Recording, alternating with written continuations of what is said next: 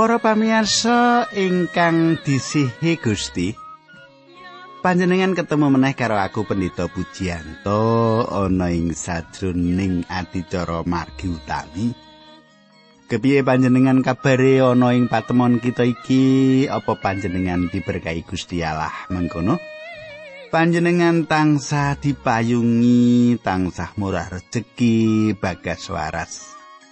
Yo, aku meh wae ambruk kadangku. Kepungkur kuwi dinane apa aku lali. Pokoke aku ana pelayanan mengkono sesuke ndilalah lah kok. Wah, tenggoro aku ki lorone ra jamak-jamak kaya klembreh-klembreh mengkono. Wah, sesuk iki arep khotbah ning gereja ari kok malah kaya mengkene iki kepiye. Wasanane apa kadangku wusanane aku berdoa Gusti benjing saged. Pladosan kula nggih Gusti. Waduh mesake gereja sing ngundang kula.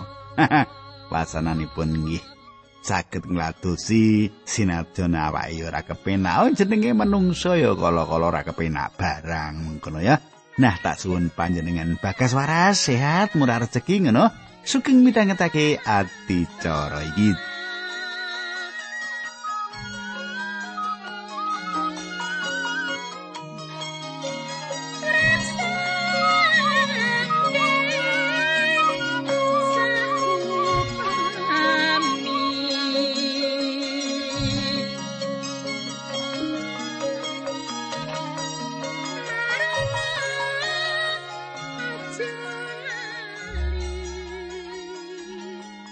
Katengku kang tresnani apa panjenengan isi kelingan apa sing tak aturake kepungkur. Soalé apa sing tak aturake saiki ana sesambungane karo apa sing tak aturake nalika patemon kita kepungkur. Isi kelingan ora panjenengan iki? Tasih Pak. Iya apik. Dae cek kelingan ngono kuwi rak jenenge. Apik to dadi aku anggone nerusake wulangan iki panjenengan iso nangkep marga panjenengan ngerti urutane. Ngono ya. Nah nanging yo tak beleni wae supaya liya-liyane sing ora kelingan utawa ora teko. Nalika aku suwan panjenengan ora mirengake iso ngerti apa sing tak aturake nalika patemon kepungkur kae Katanggu ing patemon kita kepungkur kita wis nemak kepiye Yosua ngedum tanah kang wis diprastiake dening Gusti marang bangsa Israel. Nanging kita nyemak talar Ibrahim kang uga sawijining talar saka Yosua ngresula. Bagian tanah kang diwenehake marang dheweke ora selaras kaya kang dikarepake. Nanging senajan kaya mengkono Yosua tetep ora menehi bagian tanah kang luwih amba marang suku Ibrahim iki. Sebanjuri apa maneh kang dipratelake dening Yosua kang kamot ing kitab iki. Nah, saiki kita bakal nyemak bebarengan nanging sadurunge kuwi Ayo kita ndedonga dhisik supaya Gusti Allah nuntuni kita ing patemon kita iki. Ayo kita tumungkul. Kanjeng Rama ingkang ada dampar wonten kraton ing kasuwargan, kawula ngaturaken gunging panuwun menawi wekdal menika kawula saged tetunggilan, kawula saged sesarengan sederek-sederek kawula menika Gusti. Kawula nyuwun tuntunanipun Gusti Sang Roh Suci kintenipun manunggal dhateng kawula njlentrehaken kanewijang menapa-menapa ingkang dados karso paduka. Paduka jebati abdi paduka lan para sederek menika supados menapa ingkang kakersakaken Gusti saged kawula tampi kanthi cetha. Kanthi makaten kawula saged tindakaken menapa ingkang dados karso paduka nalika kawula gesang wonten ing alam padang menika. Dinambaran asmanipun Gusti kawula Yesus Kristus kawula ndedonga haleluya amin.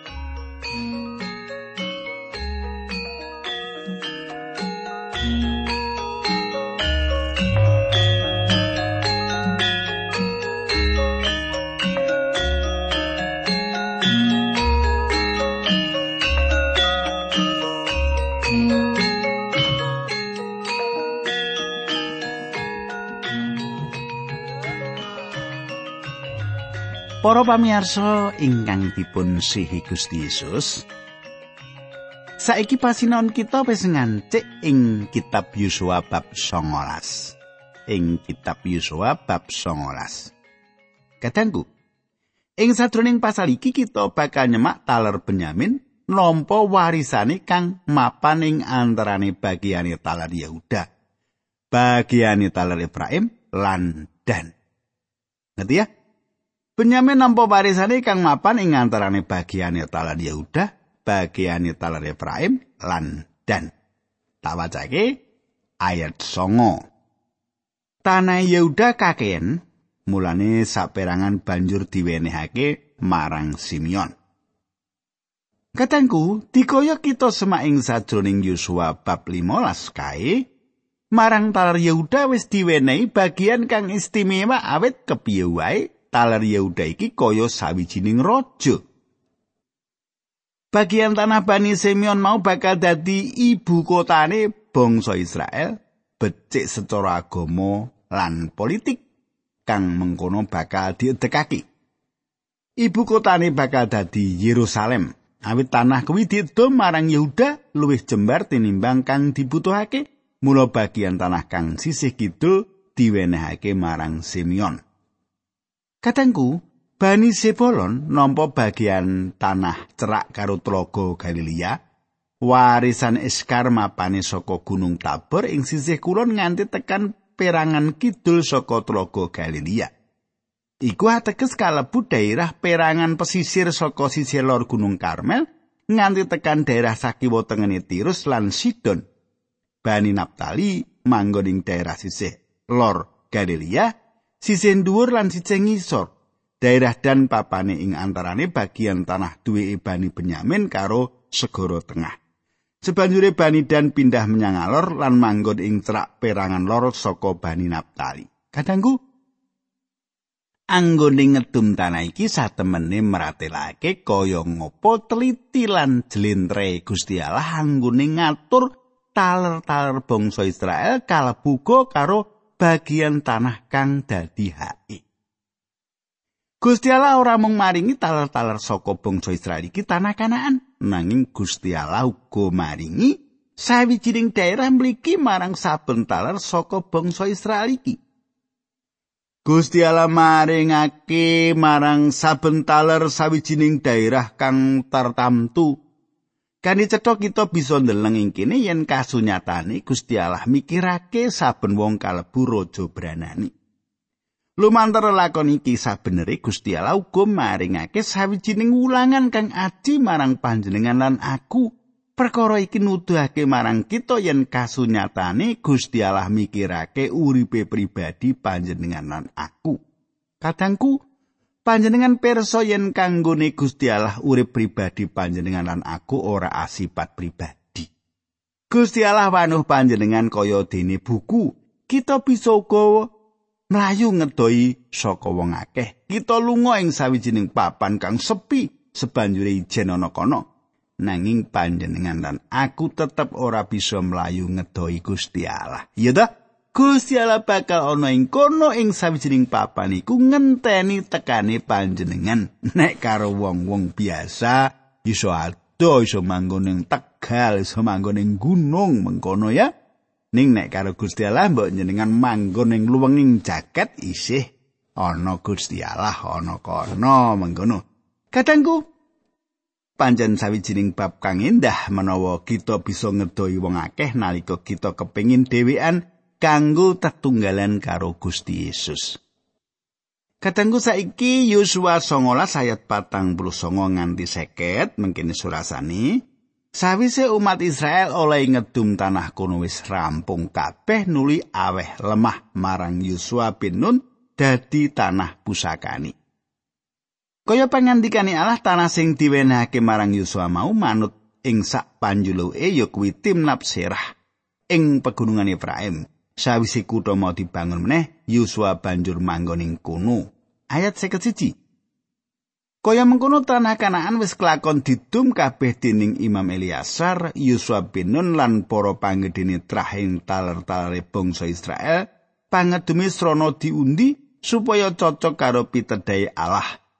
Kelakone kuwi mau ana ing Silo ing gapurane kemah palenggahane Allah, srana mengkono pangedumi tanah wis rampung. Kadangku Panjenengan bisa uga wae bakal mikir yen awit Yosua iku abdi Allah kang wis kasil mimpin wong-wong Israel ngrebut tanah Kanaan lan wis menang, mula bangsa Israel bakal milih lan menehi bagian tanah kang apik dhewe kanggo Yosua manggon. Nanging panjenengan semak bangsa Israel ora nawakake sawijining pilihan papan kang apik dhewe marang Yosua kanggo Yosua manggon. Yosua kudu milih dhewe papan kanggo tinggoni lan njaluk marang bangsa Israel sebanjuri umat Israel menehi bagian tanah kang dijaluk Yosua. Sedulurku kang datrisani papan kang dipilih Yosua iku jenenge Timnat Serah. Papan kuwi duwe kira-kira 33 km saka Silo. Papan kuwi sabenere papan kang ora subur lan salah sijining daerah kang elek dhewe kang bisa dipilih dening Yosua. Perkara kuwi uga ngelingake aku bab Abraham lan Lot nalika Abraham lan Lot bali saka tanah Mesir. Coba apa panjenengan eling nalika semono Abraham kondo karo Lot pilihan daerah kang kok karepake lan aku tak ngenggoni sisane. Sabenere Abraham bisa wae milih tanah sing apik dhewe kanggo awake dhewe lan sebanjure sisane lagi diwenehake marang Lot. Nanging Abraham malah nawakake marang Lot luwih dhisik supaya dheweke milih lagi Abraham milih turahani. Lan kasunyatane pancen Lot milih lan njupuk daerah kang apik dhewe kanggo awake dhewe lan sebanjuri Abraham kari turahani. Kadangku Lelakon iki sabenere uga ngatonake sipate Yusua lan uga Abraham. Yusua milih tanah kang sabenere ora beda adoh karo gurun wedi. Lan iki meratelake sipate Yusua Perkara kuwi uga nyatakake sawijining perkara gegayutan karo bangsa Israel. Bangsa Israel rila yen Yosua minangka abdine Allah iki mung duwe lemah kang ciut malah ora subur kang dadi bagiyane. Kita nyemak bangsa Israel iki ora mbudidaya setitik-setitik o oh, menehi kang paling apik kanggo Yosua. Sang abdi Allah iku kang salawase iki wis mimpin nglewati ora-ora samun nganti tengan tanah perjanjian kang wis diprastiake dening Gusti kuwi.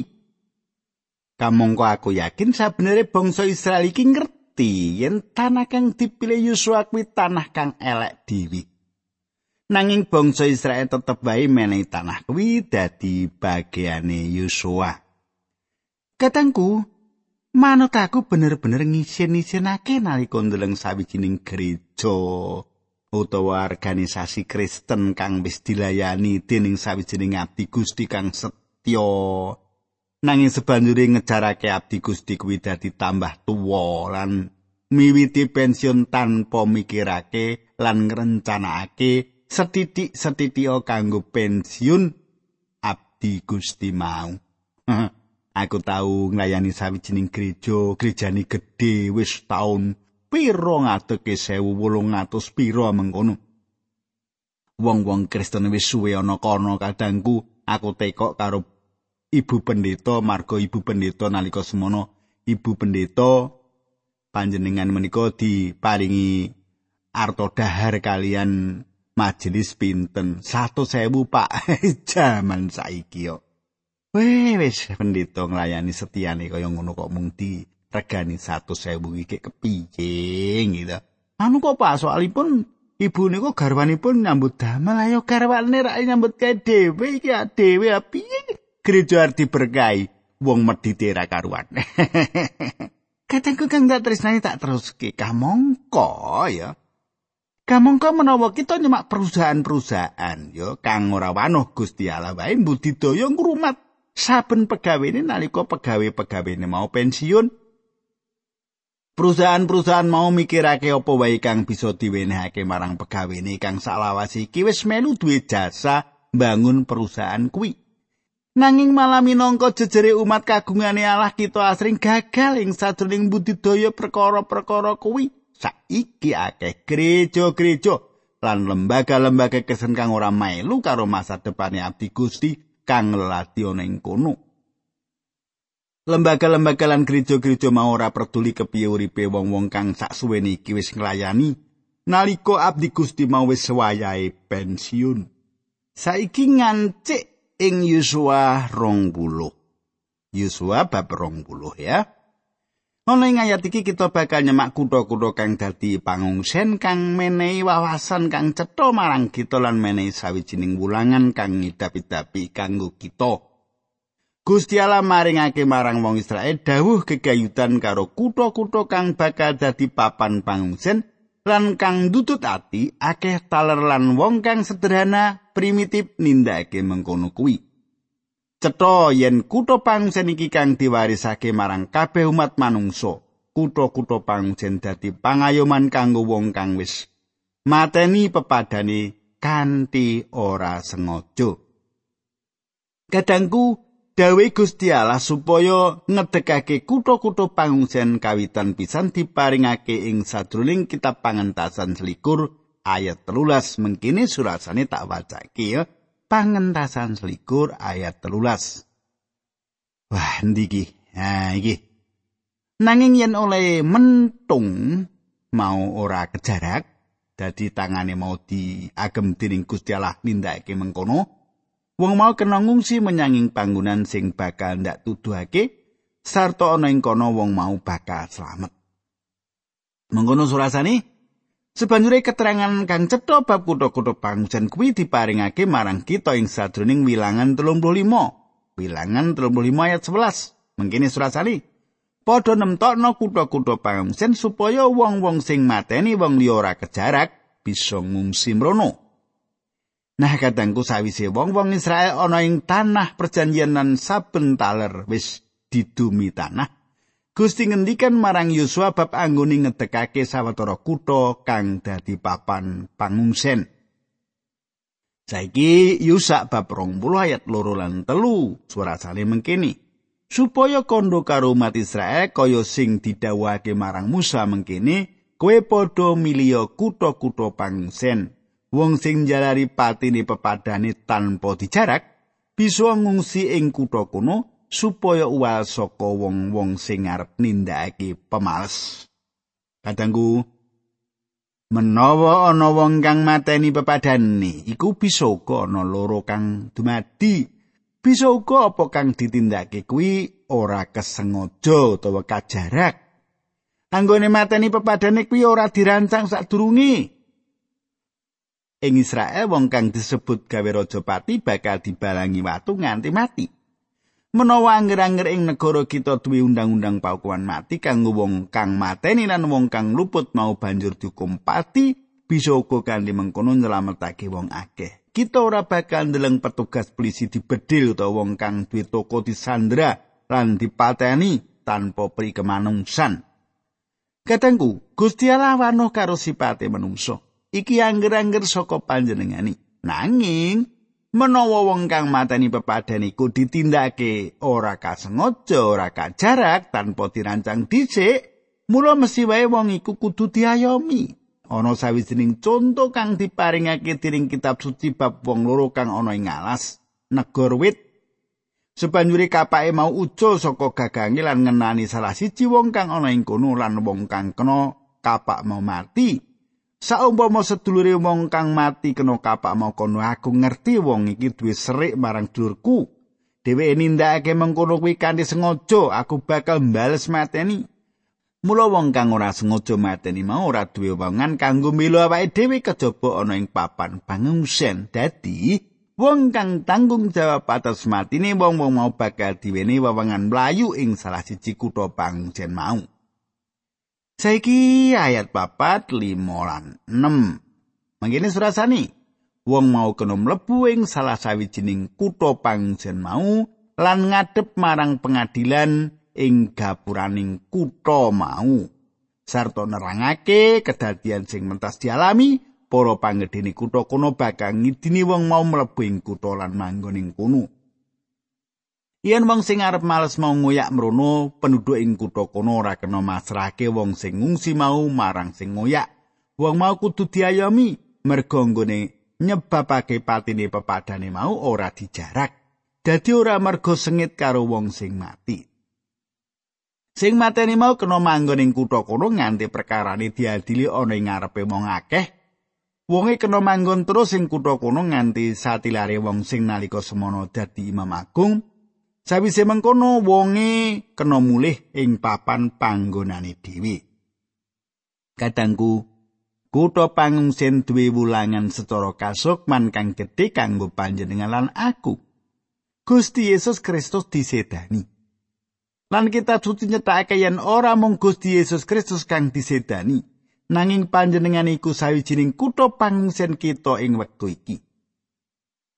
Ngrembug bab Sang Kristus ingkang dadi pangungsen kita kang nulis layang Ibrani kondo. Kita kang goleki papan pangungsen iku pandering kang kuat supaya cekelan marang pengarep-arep kang papane ana ing ngarep kita. Ayat iki mesti wae dialamatke marang wong-wong kang senadana sadar bab dosane, wis mupangatake keselamatan kang wis dicawisake kanggo wong-wong mau dening Gusti Yesus ing kayu salib. Saben wong kang duwe pangungsen ing sadroning Gusti Yesus Kristus dislametake kanggo selawas-lawase saka pengadilane Gusti Allah kang suci. Kadangku, saiki sapa kang luput awit wis nyedani Sang Kristus? Saindenging donya iki luput. Becik wong Yahudi uga wong-wong dudu Yahudi luput ana ngarsane Allah awit melu dadi paraga. Ing sadroning anggone nekake sedane Sang putra iku. Nanging Sang Kristus rawuh kanggo masrahake sarirane minangka tebusan kanggo saben wong.